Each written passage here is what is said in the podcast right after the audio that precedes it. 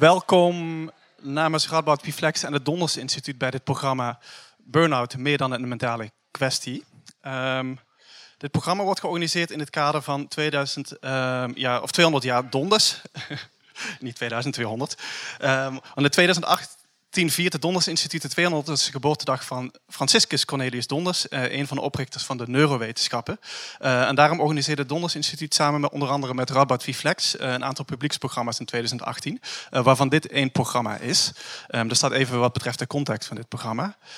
Um, het is altijd fijn om een volle zaal te zien, maar bij dit thema maak ik me toch licht een beetje zorgen. Maar ik hoop dat dat niet het geval is vanavond. Um, want de burn-out wordt ook wel beroepsziekte nummer 1 genoemd. Uh, dus ik hoop dat deze avond jullie in ieder geval een aantal mooie nieuwe inzichten gaan opleveren. Uh, en dat deze avond dat we ook iets mee gaan bereiken vanavond. Um, vanavond gaan we dus hebben over de burn-out. Uh, wat een burn-out precies is, waar het vandaan komt, wat het met ons doet en wat we er tegen kunnen doen. we benaderen de burn-out vanuit verschillende perspectieven. Onder andere vanuit de biologie, vanuit de psychologie um, en ook vanuit een, de directe ervaring met een ervaringsdeskundige. Um, dat doen we samen met de volgende sprekers. Met schrijver en kunsthistoricus Brechtje Hofstede. Um, samen met hersenwetenschapper Erno Hermans en met psycholoog Debbie Bekkers. Um, als eerste Brechtje Hofstede draagt vanavond een aantal fragmenten voor uit haar boek De herontdekking van het lichaam. Hij gaat daarna in gesprek aan het einde van het programma met Erno Hermans en Debbie Bekkers. Um, Brechtje ondervond helaas zelf uh, een ernstige burn-out en schreef daarover dit boekje, De herontdekking van het lichaam. Um, aan de hand van korte voordrachten zal ze de twee lezingen van vanavond introduceren. Um, en sluit ze ook de avond af met een korte voordracht uit dit boekje. Brecht Hofstede publiceert onder andere in diverse literaire tijdschriften en in kranten en schrijft ook voor de correspondent. De eerste lezing van vanavond, die dus geïntroduceerd wordt door Brechtje Hofstede, is van Erno Hermans.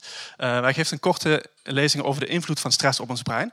En hij vertelt hoe stress onze manier van denken, waarnemen en de manier waarop we herinneren beïnvloeden. De tweede lezing is van uh, psycholoog Debbie Bekkers. En ze gaat vertellen Trouwens, ik moet, ah, daar moet ik even nog iets anders over zeggen. Um, in het programma hebben jullie waarschijnlijk gezien dat Sabine Geurts um, de lezing zou voordragen. Helaas kan zij er vanwege familieomstandigheden niet bij zijn vanavond. Uh, en Debbie Becker zal haar lezing vanavond namens haar voordragen. En aan het gesprek deelt als zichzelf uh, mede. Dus dan weet u in ieder geval dat ze de lezing van Sabine Geurts zal voordragen. Dus als u Sabine Geurts op de dia ziet staan, dan, is, dan klopt dit. Um, ze gaat een lezing geven over de uh, oorzaken van stress in werk en maatschappij en vertelt hoe we de controle weer terug kunnen krijgen over de burn-out. Dus daar komt er in ieder geval een slotpleidooi ook in. Um, aan het einde van het programma is er dus een gesprek. Dat is onder leiding van de filosoof Frank van Kaspel. Um, en in dit gesprek gaan we in op uh, de achtergrond van de burn-out. Dus die gaan we verder uitdiepen, ook samen met jullie. Want er is ook gelegenheid voor vragen van jullie.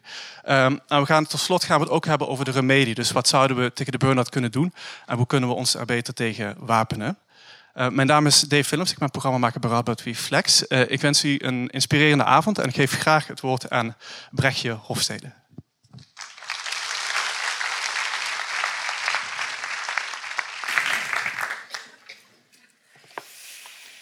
Bedankt. Ik heb jarenlang uh, mezelf behandeld als een brein op pootjes. Ik werk voornamelijk met mijn hoofd en niet met mijn handen, zoals misschien voor veel van jullie geldt. Uh, en ik vertrouwde op denkkracht en wilskracht om mijn werk te doen. En daarbij was de belangrijkste regel mind over matter. Dus als ik druk was of moe of hongerig, dan dacht ik, maakt niet uit, zet ik me overheen. En dat is een nuttige houding. Je kunt uh, veel bereiken door uh, je grenzen te verzetten. Het bleek ook een enigszins riskante houding.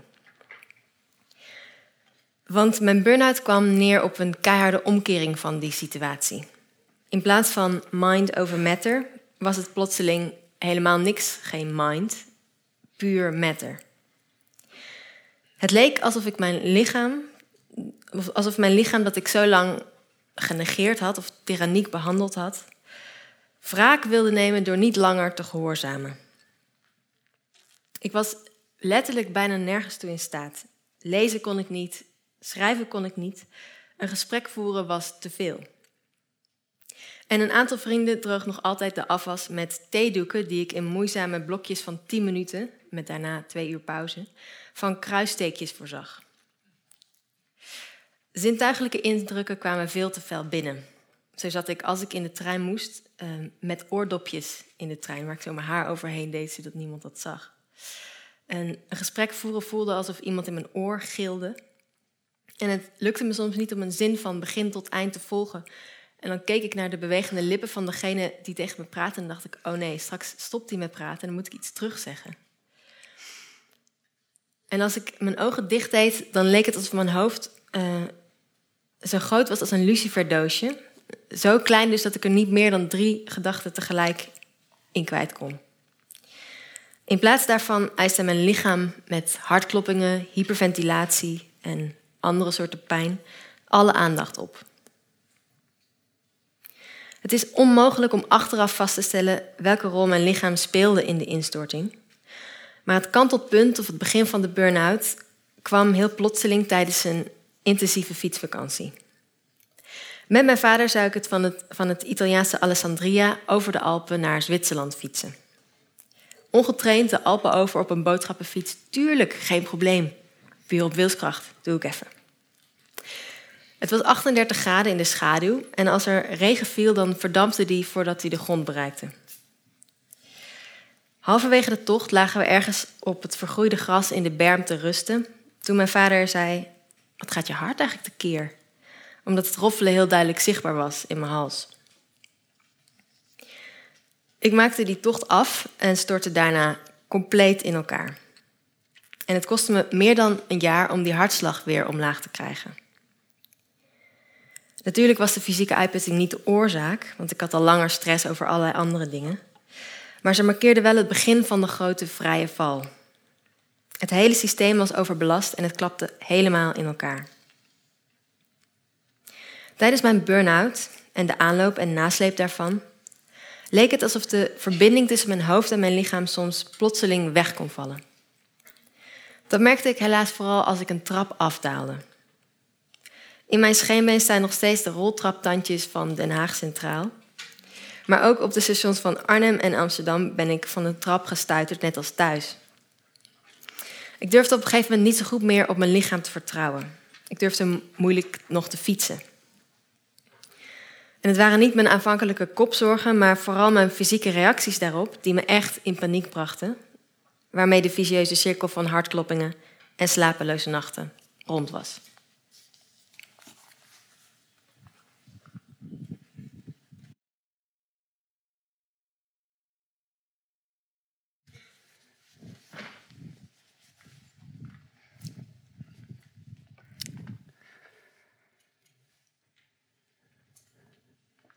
Dankjewel, Brechtje, voor dit mooie verhaal.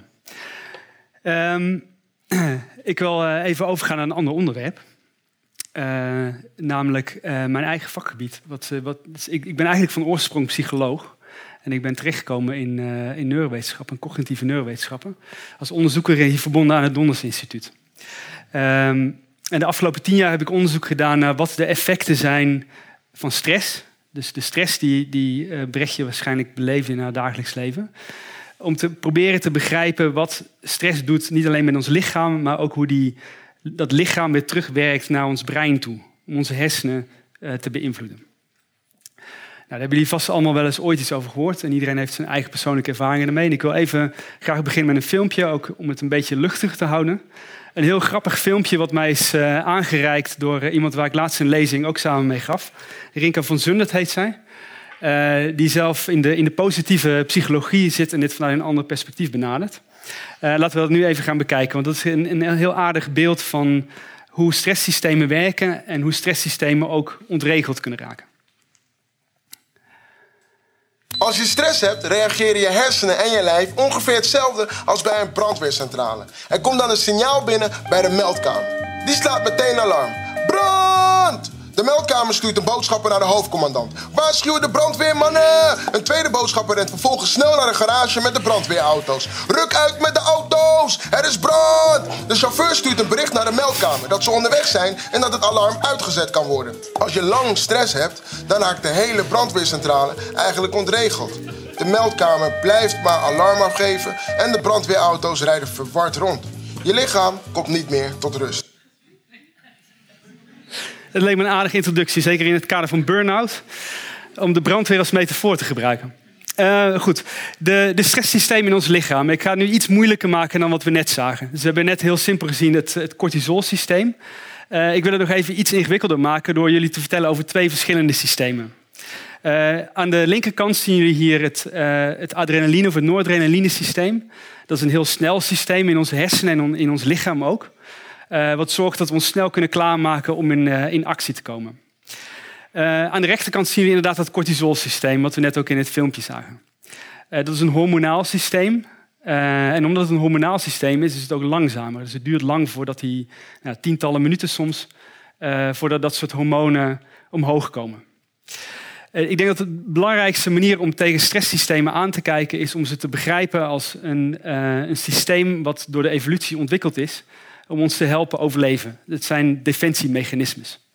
Dus mechanismes die ons helpen om uh, op de juiste manier te reageren als we in een dreigende situatie zitten. Nou zullen heel veel mensen denken, nou, die dreigende situatie, dat is misschien de verklaring waarom we zoveel van dit soort klachten hebben. Uh, die hebben we eigenlijk niet meer in moderne maatschappijen. En uh, nou ja, we zijn eigenlijk allemaal veilig hier. Uh, en dat beeld zou ik ook uh, toch wel een beetje willen nuanceren. Ik denk dat nog steeds ook uh, dat soort angstsystemen en def defensieve systemen van levensbelang zijn om te kunnen overleven. En dat zal ik ook even illustreren aan de hand van deze persoon, die hier niets vermoedend over de stoep loopt. En laten we even kijken wat hier gebeurt. En deze persoon weet dus ten nauwe nood zijn leven te redden, juist omdat hij die defensieve systeem heeft. Nou, we kunnen het heel even in slow motion bekijken en dan zien we een beetje wat daar gebeurt. Uh, dus op een gegeven moment ziet hij dat er een dreiging is. Je ziet hem eventjes zichzelf klaarmaken, een soort freeze-reactie. En op dat moment komen al die lichamelijke processen op gang. Dus dan krijg je een, uh, een noordenerge reactie in het brein, heel snelle verandering in de neurochemie in je hersenen. Je krijgt reacties van adrenaline in het brein heel snel. Um, en hij, daardoor krijg je spierspanning en maak je eigenlijk klaar om te kunnen bewegen. Uh, en tegelijkertijd is dat brein bezig om een, een, uitweg te vinden. En binnen een fractie van een seconde weet hij een, een motorprogramma klaar te maken. Wat hem precies in staat stelt om die auto te ontwijken. En je ziet hem net nog met zijn rug zo ver krommen dat hij net langs die deur kan. Dat is echt ongelooflijk. Dus dit zijn onze defensieve systemen. En dus zeg nooit meer dat die niet van levensbelang zijn. We mogen echt heel erg blij zijn dat we die, dit soort systemen hebben. Nou, ik ben dus geïnteresseerd in hoe die systemen werken en wat het doet met ons brein. En uh, om dat te onderzoeken doe ik al uh, nou ja, een jaar of 10 à 15 onderzoek met behulp van uh, beeldvormende technieken in mensen. Dat ziet er ongeveer zo uit. Dit is ons laboratorium. Hier kunnen we mensen in een scanner leggen. en we kunnen kijken naar wat er in hun hersenen gebeurt. Terwijl ze dat soort dingen meemaken als die, die man die die auto tegenkomt. Maar dan net iets minder erg. Want anders komen we tegen de ethische grenzen aan, uiteraard. Uh, we kunnen in, in, die, in die scanner allerlei rijke ervaringen geven met geluid en beeld. En we kunnen dus heel erg nabootsen wat er in, in de werkelijke wereld gebeurt.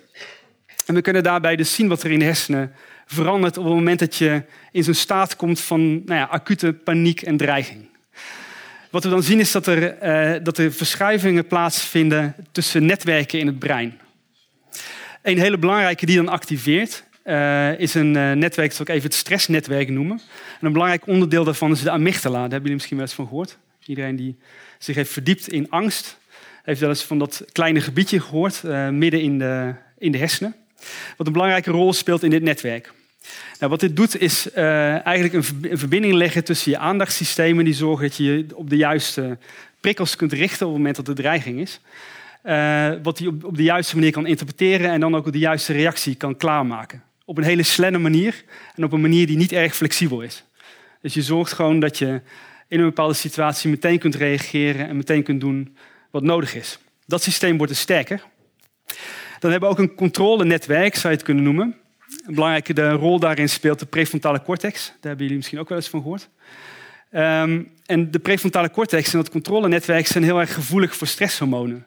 In de zin dat die, uh, als er stresshormonen in het brein komen, die gebieden onderdrukt worden. Dat betekent dus dat je eigenlijk een soort controle verliest en uh, dat je niet meer in staat bent om rustig na te denken, lange termijn doelen voor jezelf te stellen uh, um, en, en, emotionele processen tegen te houden. Uh, wat we dus zien is een verschuiving tussen twee systemen die eigenlijk met elkaar in competitie zijn. Zo zou je het eigenlijk moeten zien. Dus je, je brein heeft eigenlijk meerdere controlesystemen en aan de hand van de biologie kan de een of de andere meer de overhand krijgen en je gedrag gaan controleren. Onder stress slaat het dus door naar de linkerkant hier. Dan zou je dus kunnen afvragen, is, is dat het hele verhaal? Is dat de, alles wat er aan de stressreactie is? Die verschuiving naar die, naar die paniek? En eh, onderzoek van de laatste jaren toont aan dat dat ook niet helemaal het geval is. En de, daar komt iets heel interessants naar boven. En dat is eigenlijk de rol van het tragere systeem. Dus ik heb het net al even geïntroduceerd dat cortisol een hormoon is wat in een, uh, op in een tragere reactie op gang komt. En pas na tientallen minuten eigenlijk je, je brein bereikt.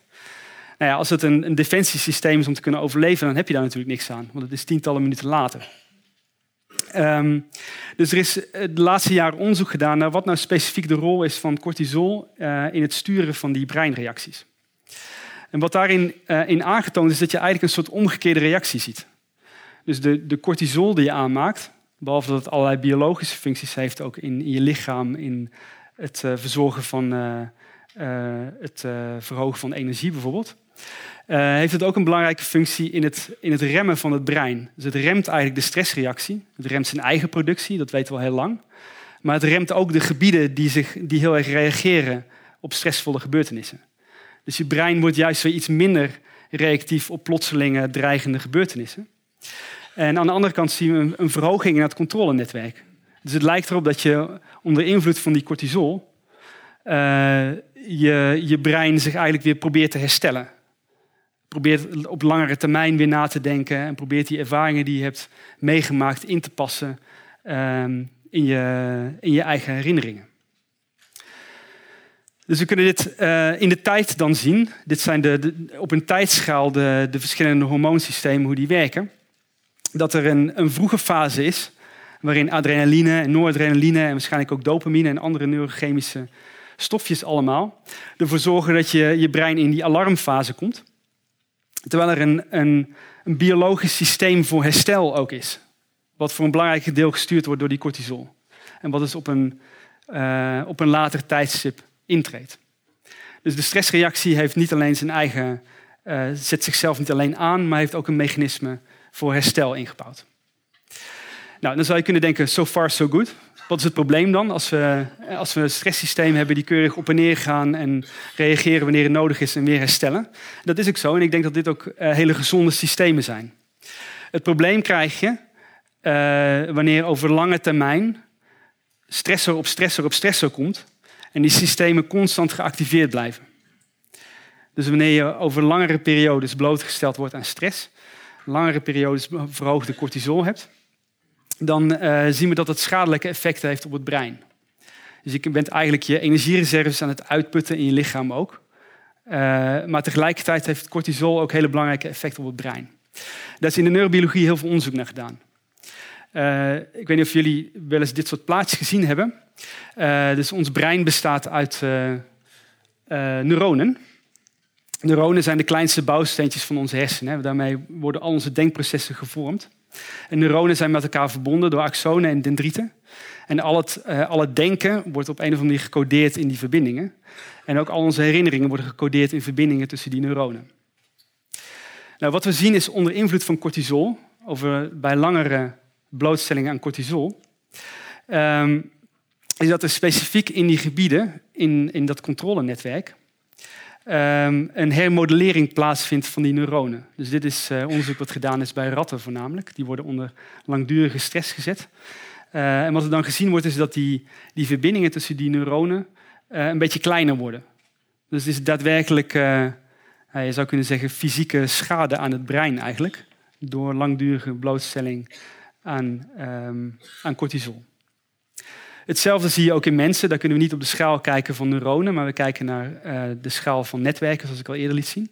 En wat je dan ziet is ook dat op, na langdurige blootstelling aan stress uh, de verbindingen binnen dezelfde gebieden ook minder worden. In de zin van dat je de activiteit kunt meten in die gebieden. Dus die netwerken worden zwakker eigenlijk en hebben een minder goede functie. Dus dit zijn allemaal de lange termijn effecten die je ziet in het brein.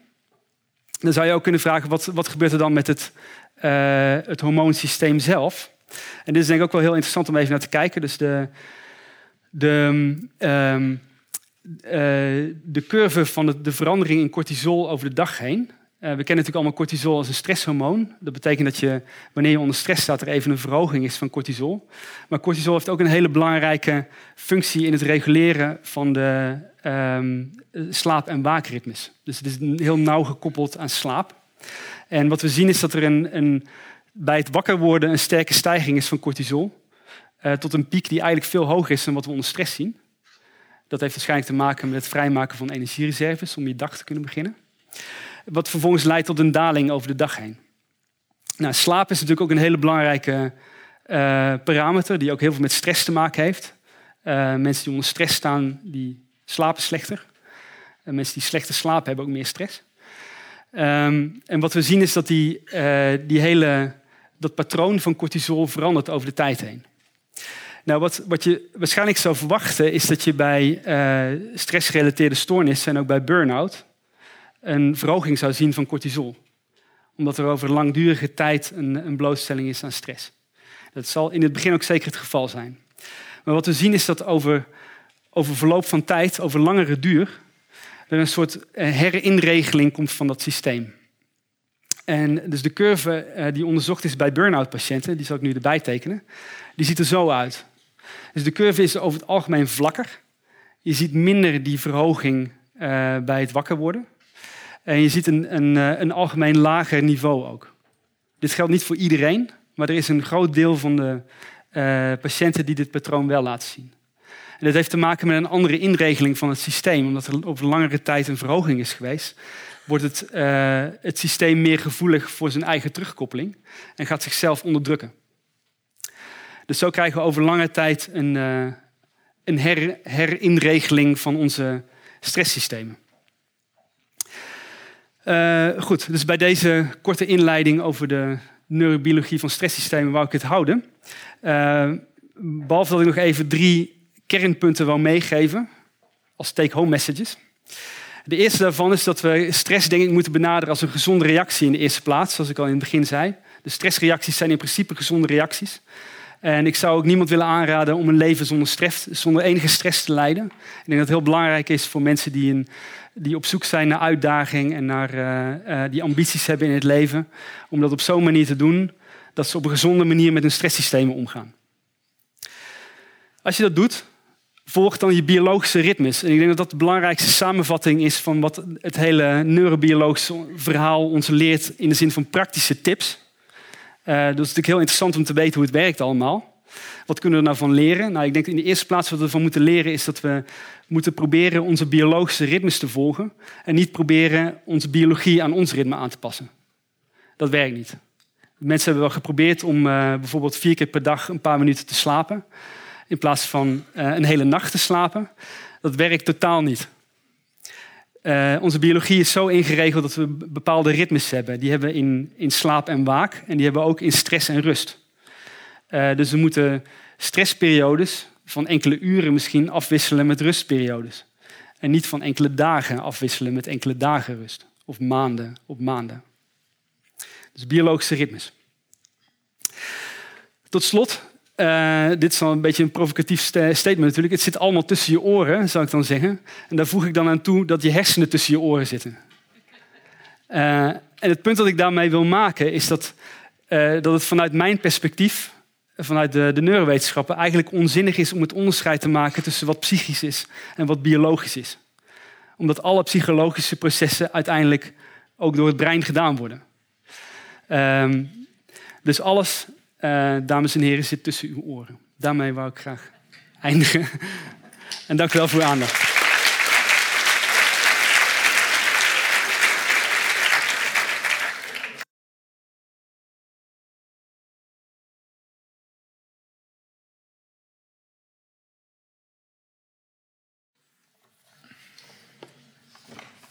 Na deze positieve noot kom ik de sfeer weer eventjes bederven. Want je biologische ritmes volgen is best lastig in een 24-uurs-economie. En ook best lastig met een smartphone in je zak. Elk tijdperk heeft haar eigen ziektes. En die van onze tijd zijn Geestelijk, ze zitten tussen onze oren. Depressie, ADHD, borderline en burn-out. Dat stelt tenminste de Koreaans-Duitse filosoof Byung-Chul Han in een beroemd geworden essay over burn-out, getiteld De vermoeide samenleving. Wij worden niet ziek door iets vijandigs als een virus, stelt Han, maar door te veel van het goede.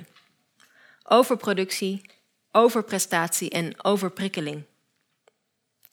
De reden is, we leven in een tot pure concurrentie gereduceerd systeem, zegt Han, waarin niemand zich meer zeker voelt. Want we zijn allemaal bang om onze baan te verliezen, tekort te schieten of voorbijgestreefd te worden. En dus dwingen we onszelf en daarmee ook elkaar tot het uiterste. Wie durft er naar huis te gaan voor de eerste collega is vertrokken? Bovendien, alles kan als je maar hard genoeg je best voor doet. Wie alle kansen krijgt, is zelf schuldig aan zijn falen. Kijk, heel moeilijk met die smartphones. Als kind had ik een boek dat die boodschap, je kunt het best als je het maar hard genoeg wil, heel kernachtig samenvatte. Het ging over een meisje dat ook Brechtje heette, dus ik identificeerde me heel sterk met haar. En ze had alleen een goudvis en dat vond ze een heel suf huisdier. Ze wilde iets spannenders. En ehm, toen, toen kreeg, kreeg, ze op haar verjaardag een ei van de postbode. En de postbode zei erbij: Alles wat je wil, kan je doen als je het maar hard genoeg wil. Je moet het zo hard willen tot je barst. En dan lukt het wel. Dus klein Brechtje wenst zich een babykrokodil en pats, het komt uit het ei gekropen. En al snel is het drie meter lang. We leren tegenwoordig allemaal dat alles kan als je het maar hard genoeg wil. Yes, we can. Just do it. Maar dat soort wilskracht broedt een monster uit. Want de boodschap die verborgen zit in je kunt het is je kunt het, dus je moet het. In plaats van stil te staan bij de vraag of we een bepaald doel wel willen behalen, dwingt het besef dat we het zouden kunnen ons om het te proberen. Tot we barsten. Het is heel moeilijk om je te onttrekken aan prestatiedwang, want hoe zeg je nee tegen iets wat lijkt op vrijheid, zelfontplooiing en je eigen belang? In de prestatiemaatschappij worden we niet van hogerhand gedwongen, maar dwingen we onszelf om steeds beter te presteren.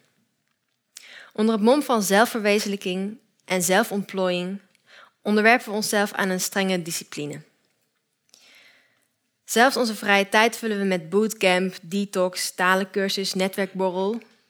En dan uh, eventjes wellness om zo snel mogelijk weer op te laden.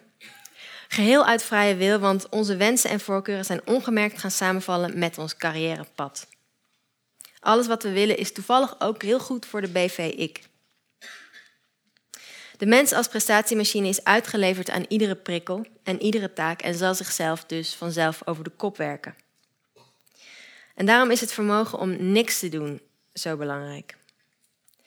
We moeten leren om nee te zeggen en om het onbruikbare te gebruiken. Door te spelen, door moe en gelaten te kunnen zijn, door te niksen. Op die manier krijgen we de regie over ons eigen leven weer in handen. Byung-Chul Han, die filosoof, noemt dat midden zijn. Toen ik zijn beweringen vergeleek met mijn persoonlijke ervaring van burn-out, dacht ik, misschien is opbranden of opgebrand raken niet de goede metafoor. Burn-out wordt vaak beschreven vanuit de logica van vraag en aanbod. Als er een disbalans is tussen te veel vraag van de buitenwereld en te weinig aanbod van jou, dan raak je opgebrand. Maar als we inderdaad lijden aan te veel prikkels, te veel van het positieve, is het probleem dan niet beter beschreven als een leegtegebrek dan als brandstofgebrek? Het is niet een lege tank, maar de overvolle mentale ruimte die uiteindelijk tot burn-out leidt. Stel dus dat we het proces niet omschrijven als opbranden, maar als platdrukken. En het resultaat als een absoluut gebrek aan veerkracht veroorzaakt door langdurige en continue druk. Stel dat we denken aan gewassen, platgeslagen door een niet aflatende hagelbui van berichtjes, verzoeken, verplichtingen en informatie. Gewassen die nooit de tijd hebben om zich weer op te richten, omdat het altijd prikkels regent.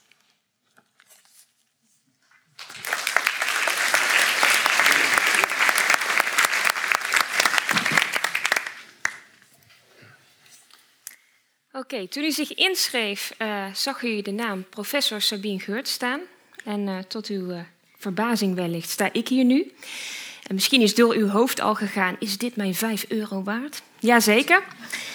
Wel om twee redenen. allereerst heeft Sabine Geurts, ondanks haar persoonlijke situatie, toch een lezing op papier gezet. En die zal ik voorlezen. Dit zijn haar woorden. Haar, vanuit haar wetenschappelijke achtergrond en vanuit haar persoonlijke situatie heeft zij een mooi verhaal gemaakt. Uh, haar wetenschappelijke achtergrond is de arbeids- en organisatiepsychologie. Dat is ook mijn achtergrond. En waar wij eigenlijk onderzoek naar doen, is hoe je werk dusdanig inricht. Uh, psychosociale kenmerken van het werk, zoals werkdruk, autonomie, steun, taakvariatie. Maar ook werktijden. Dus hoe je het werk zodanig inricht dat mensen het langdurig, dus duurzaam, gezond kunnen uitvoeren en tegelijkertijd ook goed kunnen presteren. En dat is iets waar wij naar streven. Um, tegelijkertijd weten we door ons onderzoek dus ook ja, wat minder goede kenmerken van werk zijn en hoe werk uiteindelijk kan bijdragen, een risicofactor kan zijn onder bepaalde omstandigheden voor het ontwikkelen van burn-out. Oké, tot zover mijn achtergrond. Ik zal nu de lezing van Sabine voordragen. Dat betekent dat ik iets minder flexibel en smooth kan rondlopen dan uh, Erno, helaas. Maar uh, wees niet getreurd, het is een hele mooie lezing van Sabine. U bent inmiddels al heel wat wijzer. Zo weet u dat acute stress heel functioneel is. Kortdurende stressresponsen zijn altijd al, zowel bij mensen als bij dieren, heel functioneel geweest. Het zijn normale reacties op wat we zien als dreiging. En was dat vroeger vaak een wilde tijger, tegenwoordig is dat bijvoorbeeld vertraging met de trein. We worden er doorgaans niet ziek van en ze helpen ons juist te overleven. Hoewel de vertraging van de NS, ik word er wel ziek van. Hoe dan ook, heel anders ligt het bij langdurende stressresponsen. Deze helpen ons niet te overleven. Integendeel, van chronische stress worden we uiteindelijk ziek. Uit verschillende onderzoeken weten we dat chronische stress verantwoordelijk is voor meer dan de helft van de ziekteverzuimdagen van werknemers en voor vele doktersbezoeken. Daarnaast, en nu hoop ik u geen acute stressreactie op te roepen bij u, hebben langdurige gestreste mensen een duidelijk verhoogd risico op hart- en vaatziekten en vele andere ziekten. Allemaal geen vrolijke berichten. En des te meer reden om eens te kijken waar die chronische stress nou eigenlijk vandaan komt.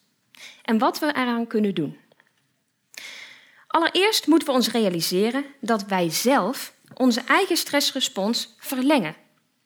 Want de meeste stressvolle gebeurtenissen, ook wel stressoren genoemd, duren eigenlijk helemaal niet zo lang. Een woordenwisseling met een collega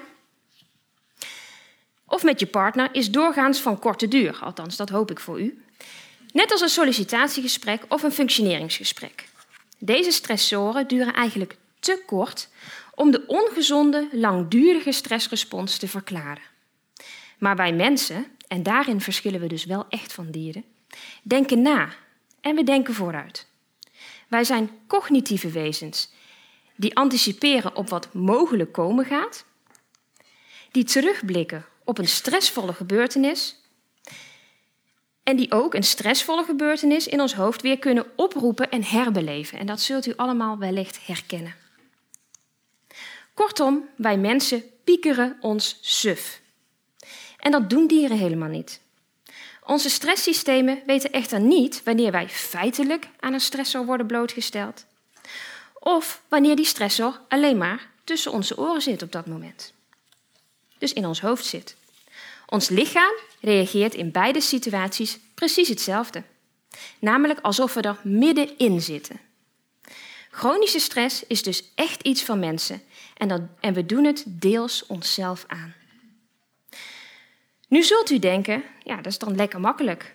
Mag ik dan, hoe voorkom je dan piekeren? En mag ik dan helemaal niet nadenken over moeilijke en stressvolle situaties? Nou, om met het laatste te beginnen. Jawel, dat mag zeker wel. En soms is oplossingsgericht nadenken over problemen ook heel functioneel. In de literatuur wordt dit ook wel problem-solving pondering genoemd. Zolang het maar tot iets leidt en het nadenken hierover dus ook eindig is.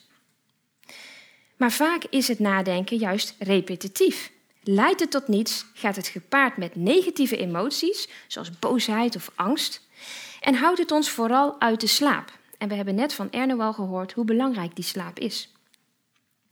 Sterker nog, er zijn goede studies die laten zien dat piekeren zelfs tijdens de slaap doorgaat. Dus onbewust blijf je piekeren, ook tijdens je slaap.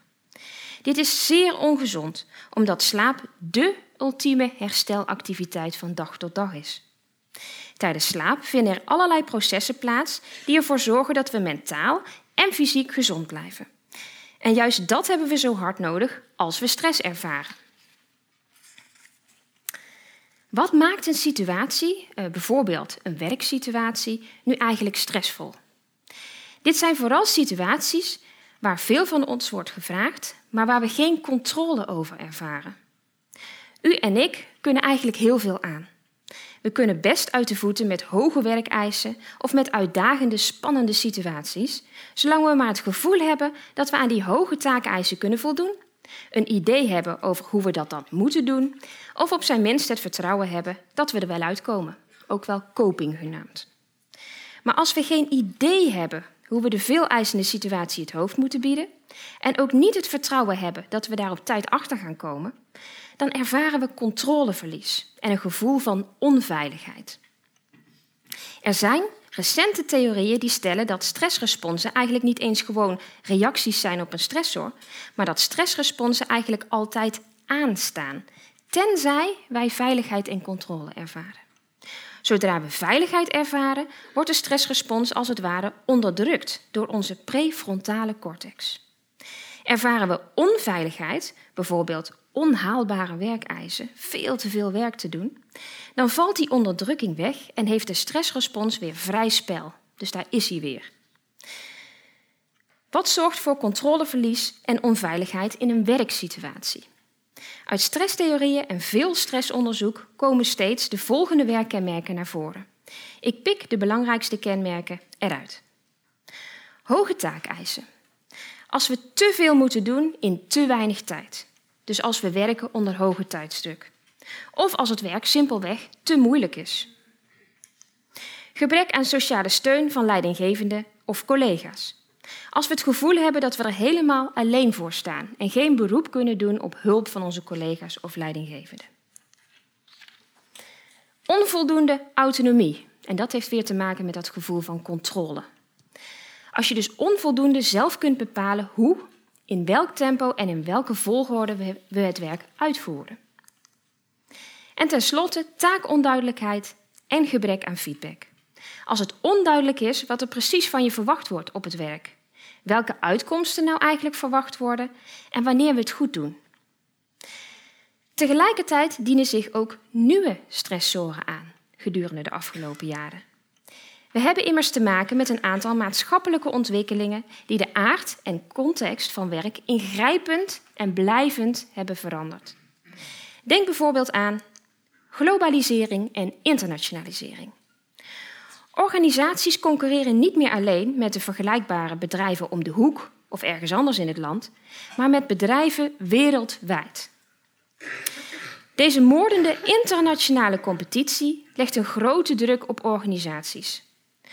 Om de concurrenten de, de baas te worden en te blijven, moeten organisaties steeds innovatiever zijn. Dus ze moeten met nieuwe producten komen, nieuwe diensten leveren, nieuwe technologieën toepassen.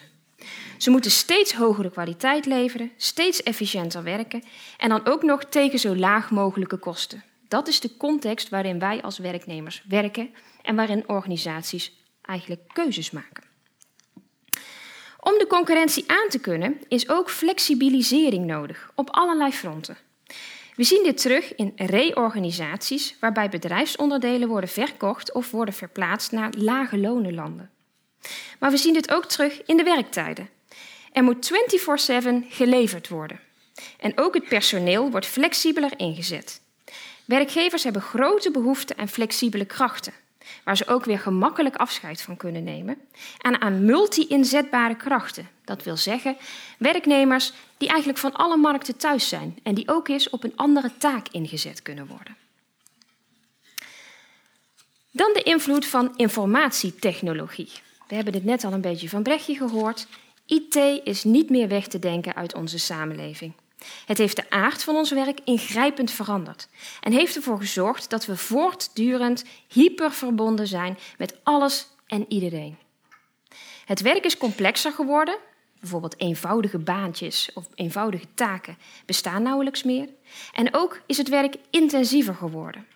Er zitten nog maar heel weinig rustmomenten in het werk vanwege het feit dat die eenvoudige en routinematige taken steeds meer verdwijnen. Via smartphones zijn we ook in onze privé-tijd met ons werk verbonden en worden we overspoeld met informatie en contacten die vaak iets van ons verwachten. U kent wellicht allemaal wel, als u lekker op de bank Netflix aan het kijken bent, dat u toch een e-mail, een werkgerelateerde e-mail binnenkrijgt. En dat u dan toch het gevoel heeft dat u die op zijn minst even moet lezen of er ook echt op moet reageren en iets van mee moet doen. De hoeveelheid informatie die we dagelijks te verwerken krijgen is enorm. En de technologische veranderingen volgen elkaar echt in een rap tempo op. Dat is bijna niet meer bij te benen. Werken wordt echt topsport op deze manier. En daar is dan nauwelijks ruimte voor werknemers die wat meer tijd nodig hebben. Bijvoorbeeld omdat ze op leeftijd zijn of een beperking zouden hebben. En dat terwijl toch van elk individu wordt verwacht dat hij of zij participeert in het arbeidsproces en dit tot op steeds hogere leeftijd volhoudt. Dus de pensioengerechtigde leeftijd blijft maar stijgen voorlopig. De druk op organisatieniveau wordt even goed gevoeld op de werkvloer door de werknemers zelf. Werknemers zien collega's vertrekken en hun eigen baanzekerheid afnemen, moeten met minder vaste krachten hetzelfde werk doen, worden geconfronteerd met reorganisaties en flexibele krachten die ingewerkt moeten worden, hebben onregelmatige werktijden, moeten zich voortdurend nieuwe technieken, werkprocessen en systemen eigen maken en ervaren meer mentale belasting en minder herstelmomenten in het werk. De werknemer van nu is een alleskunner geworden en het wordt ook van hem of haar verwacht. In menig vacaturetekst staat dan ook een waslijst aan benodigde competenties, vaardigheden en ervaringen. Er wordt voortdurend gezocht naar het bekende schaap met de vijf poten. En dat is ook echt zo, want als ik wel eens, ik ben universitair docent, als ik wel eens een vacature voor een universitair docent zie langskomen, dan denk ik, oeh, daar zou ik zelf niet op reageren, terwijl ik zelf universitair docent ben. En die druk die is al veel eerder voelbaar, voelbaar dan alleen tijdens de loopbaan. Ook toelatingseisen voor het hoger onderwijs, het wetenschappelijk onderwijs en het HBO, die nemen toe. Excellente cijfers, buitenlandervaring, extracurriculaire activiteiten en dit alles binnen een nominale studiedeur lijken inmiddels de standaard geworden voor onze studenten. Ook studenten moeten dus alleskunners zijn willen ze nog enige kans maken op een interessante masteropleiding of op een succesvolle start van de loopbaan. Maar we maken het onszelf deels wijs. Lieve mensen, beste werkgevers, beste opleiders, het schaap met de vijf poten bestaat simpelweg niet. Of het nu werknemers of studenten zijn, ik heb nog nooit een schaap met vijf poten gezien. Niet in Nederland, niet in de VS, nee zelfs niet in China. Laten we ophouden met voortdurend te vragen om het schaap met de vijf poten. En laten we ophouden met voortdurend te pogen het schaap met de vijf poten te zijn. Dat houdt bijna niemand vol op de lange termijn. Laten we gewoon een gezond schaap met vier poten zijn. En in dat geval is goed ook goed genoeg. Het is niet vreemd dat met deze ontwikkelingen chronische stress en burn-out toenemen. Maatschappelijke en technologische veranderingen kunnen we niet keren. Wij moeten accepteren dat deze veranderingen elkaar in steeds sneller tempo zullen opvolgen. En dat ons gevoel van controle en veiligheid hiermee steeds vaker op de proef wordt gesteld. Maar het antwoord hierop is niet simpelweg nog harder werken, nog meer activiteiten ontplooien en nog meer ballen in de lucht houden. Het enige wat dat oplevert is nog meer gestreste werknemers en nog meer gestreste studenten. Het enige antwoord hierop is dat we zuiniger en dus kritischer moeten zijn op waar we onze kostbare tijd en onze kostbare energie aan besteden. Als we aan heel veel zaken een beetje energie besteden, dus als we alle ballen maar in de lucht moeten houden, schiet het allemaal geen donder op en worden we alleen maar heel moe en gefrustreerd. Als we nu eens onze energie besteden aan maar een paar zaken die er nou echt toe doen, dan boeken we voortgang en met veel meer, meer voldoening. Misschien denkt u nu nog dat alles wat u doet belangrijk is en dat niks kan wijken.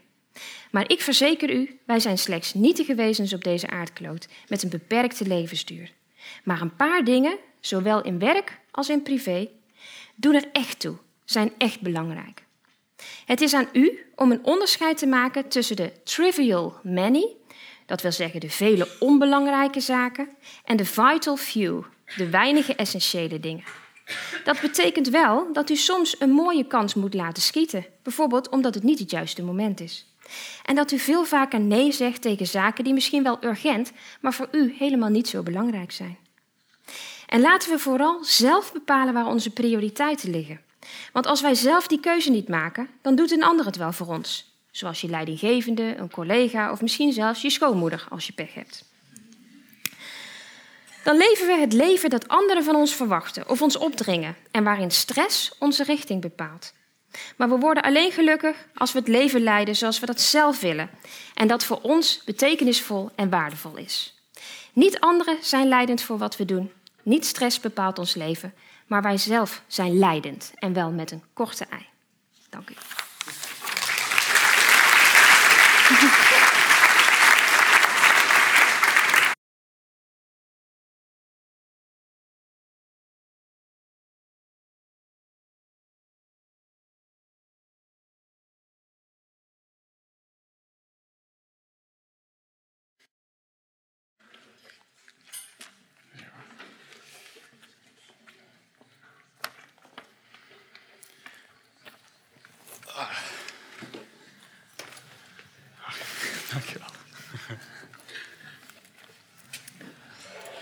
Hartelijk dank voor jullie prachtige bijdrage. Ik moet zeggen, het was voor mij een feest der herkenning, maar eigenlijk een heel treurig feestje, eigenlijk. uh, maar ik ben wel enorm opgelucht om eigenlijk te horen dat er op wetenschappelijk niveau ook zoveel kennis al is en, zo, en zoveel onderzoek gedaan wordt naar dit soort onderwerpen. Uh, en op een of andere manier neem ik het ook makkelijker aan van wetenschappers dan van detox-goeroes. Dus het is heel fijn en ja, ik moet zeggen, voor mij in die zin een opluchting om jullie hier zo helder over te horen spreken. Met prachtige nieuwe metaforen die ik graag zal blijven gebruiken. Uh, er is een gesprek voorbereid tussen deze drie uh, sprekers. Dat was een beetje redundant. Uh, er zijn drie onderwerpen op het, op de planning. En u heeft eigenlijk bij elk onderwerp ook gelegenheid om vragen te stellen. Ik zal proberen het een beetje dynamisch te houden tussen de zaal en de sprekers. Op het programma staan de maatschappelijke achtergrond van de burn-out. Is er sprake van een toename, is er sprake van een epidemie? Daar gaan we het een beetje over hebben. De manier waarop we tegen burn-outs aankijken is dan twee. Is het tussen je oren? En betekent dat niet gewoon wat we. betekent niet allebei de betekenissen? dus de, de tweede onderwerp. En tenslotte misschien iets waar u voor gekomen bent, maar ik hoop het niet. Dat is dan de remedie. Hoe gaan we hier nou mee verder? Daar hebben we ook al het een en ander over gehoord natuurlijk. Dat zijn de drie onderwerpen die we willen aansnijden. Uh, en dan beginnen we met die maatschappelijke achtergrond. Uh, Erno, jij zei al iets over dat je het niet per se een epidemie vond, maar dat je wel een toename zag. Is dat iets. Ja? Nou ja, ik heb even de cijfers bekeken. Ik ben geen expert op deze cijfers. Hm. Uh, maar wat je, wat je ziet is dat er wel een toename is. Maar die, dat je die niet kunt karakteriseren als een epidemie in de zin dat er een, een exponentiële stijging zou zijn. dat betekent dus dat, er, ja, dat die problematiek wel steeds groter wordt. Um, maar er geen hele directe, acute, aanwijsbare reden is uh, dat er iets, iets veranderd is, waardoor het in één keer veel erger is. Hmm. Ja. Want in jouw filmpje liet je een, een, een, stressor zien. Dat was een, zeg maar, een herkenbare stress. Ik kan me voorstellen dat je erg gestrest bent als een auto op je afkomt. Ja. Maar wat bij jou niet naar voren kwam, waren de onderwerpen die jij, als, of de stressoren die jij noemde, die ja. uh, niet een adrenaline spike veroorzaken, maar die ja, toch meer een soort zeurende stress veroorzaken. Ja. Maar dat meer langlopende stressoren. Zie je daar ook geen toename van? Uh, nou ja, de, de, in het tweede deel van mijn verhaal uh, kwam dat wel aan de orde. Dus dat zijn de, de stressoren die eigenlijk constant doorgaan. Mm -hmm. En uh, die worden natuurlijk niet veroorzaakt doordat je de hele tijd een auto tegenkomt op, het, op de stoep, hopelijk. maar die worden voor een groot deel inderdaad veroorzaakt door piekeren. Omdat je zelf via je eigen gedachten kun je ook die, al die hormoonsystemen aansturen. Dus dat heeft een heel direct effect erop. Je had het ook over piekeren. en je onderscheidt eigenlijk twee vormen van piekeren. Ja. Uh, dus de, de, productieve en de niet-productieve vorm. Ja, en hoe weet je welke je aan het doen bent? Ja, dat onderscheid is niet altijd makkelijk. Dus je hebt echt het negatief rumineren, het negatief piekeren. Uh, wat vaak ook gepaard gaat met bepaalde gevoelens van, van uh, ja, angst, negatief affect. het gevoel dat je in rondjes aan het redeneren bent. Maar vooral ook het gevoel dat je weinig controle hebt. Vaak pieker je over zaken waar geen oplossing voor is. Of waar in ieder geval de oplossing niet binnen jouw handbereik ligt. Terwijl problem-solving pondering een Engelse term. Dat is meer uh, het nadenken over een situatie, wat je wel eens doet na het werk. Dat je denkt, god, dit is toch complex. Dat het nog even door je hoofd gaat. Maar dat je wel het gevoel hebt van, nou, er zijn wel handvatten, ik kan hier wel verder mee komen. En daarbij speelt die angst en dat controleverlies natuurlijk een stuk minder, zou je kunnen zeggen. Ja. Herken jij dat, Brechtje? Dat piekeren zonder uitkomst? Uh, ja, zeker. Um, op een gegeven moment had ik dat, toen ik zelf in die burn-out zat, ook niet meer in de hand. En dan had ik het gevoel dat ik een soort van de vorm van nadenken aan het doen was. Met een soort redeneringen die echt nergens meer op sloegen. Um, maar zodat ik maar het gevoel had dat ik bezig was met een oplossing. Okay. Um, ehm, maar wat ik eigenlijk. Uh, je zegt net, uh, de, we hebben de oplossing. Uh, als je de oplossing niet binnen handbereik hebt, dan is het stressvol. En wat ik daarom zou willen toevoegen is toch het ja, technologische ontwikkeling dat je misschien de oplossingen niet binnen hebt, maar alle problemen of alle kwesties die je bezighouden wel. Want die zitten allemaal in die smartphone. En die kunnen op elk moment met een pushbericht binnenkomen. Of je nou zorgen maakt over uh, de catastrofale milieuvervuiling of over je baas die in je nek zit te hijgen. Um, en ik, ik denk dat uh, de opkomst van een smartphone toch wel een hele, voor, in mijn perceptie, een hele belangrijke rol speelt in, het, uh, in de stress die zoveel mensen steeds meer lijken te ervaren. Heb je, dan, heb je je smartphone gedrag nu ook aangepast? Uh, ja, ik heb op een gegeven moment ben ik van Facebook gegaan en heb ik WhatsApp van mijn telefoon gegooid. Oh. Ik moet zeggen dat dat erg scheelt. Normaal gesproken uh, zouden we u nu naar huis sturen, maar vanavond hebben we nog een laatste bijdrage van Brechtje. Dus graag nog eenmaal de aandacht voor Brechtje en daarna sluiten we af. Uh, de laatste passage die ik voorlees, uh, en wees gerust, hij is kort, gaat over het herstel uh, van mijn burn-out. Wandelen stond daarin centraal. En het is ook een constante in veel van de adviezen die ik ooit over burn-out las. Wandelcoaching is een speciaal genre binnen de begeleiding van burn-out patiënten en daarnaast is er een jogging variant. Ook om burn-out te voorkomen lijkt wandelen effectief te zijn. Waarom? Nou ja, ten eerste natuurlijk, bewegen in de buitenlucht is gezond. En omdat wandelen de enige vorm van activiteit was die ik destijds aankon, kuierde ik rondjes in het park, elke week 100 meter verder. Daarnaast vormt wandelen een soort van heel simpele les in mindfulness. Zo concludeerde onderzoeker Lisbeth Borge na jarenlange burn-out preventietrainingen dat wandelen haar patiënten hielp om de fysieke signalen van stress eerder op te merken, waardoor ze ook andere keuzes gingen maken. Maar ja, dat kan ook op zich met andere oefeningen, zoals yoga. Waarom is wandelen dan anders? Het is ten eerste de meest gewone menselijke handeling die je kunt bedenken. Sterker nog, de mens liep al rechtop voordat ze mens was. Wandelen wordt niet begeleid door een gong of wierookgeur. Aan kuieren kleeft weinig welzijnsrage.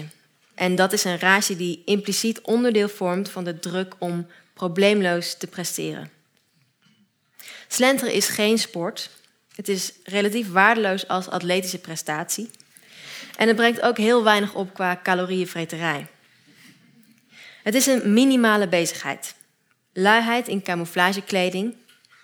Niets doen dat vermomt als iets doen, hoopt te ontsnappen aan de meedogenloze minutenjager in je hoofd. Lopen gaat bovendien letterlijk verder dan de ademhalingsoefening op je yogamatje. Want wanneer je wandelt, stap je uit je vertrouwde statische omgeving. En dat maakt het makkelijker om los te komen van kopzorgen en het gangbare spoor van je denken. Op een slentertochtje staat niets lang genoeg stil om je aandacht vast te houden. Anders dan in een trein of een auto is er geen interieur dat met je meebeweegt, geen dashboard, geen agenda of tafeltje met kranten. Maar volgens mij gaat de connectie tussen wandelen en het herstel van chronische stress nog wat verder. En dat heeft te maken met de innige verbindenis tussen lopen en denken. Wandelen is een efficiënte manier om deurtjes in je denken te openen. Deurtjes waardoor je ook even weg kunt glippen uit de kooi in je hoofd. Die kooi opgetrokken uit plichtgevoel en prestatiedrang. Ik kan nu niet ingaan op de filosofen die geschreven hebben over hoe wandelen hen hielp om na te denken, zoals Schopenhauer, Thoreau of Rousseau. Maar van hen leerde ik dat wandelen je dichter bijbrengt bij die heilige graal van de moderne tijd, namelijk dat mythische wezen, je authentieke zelf. Bedankt.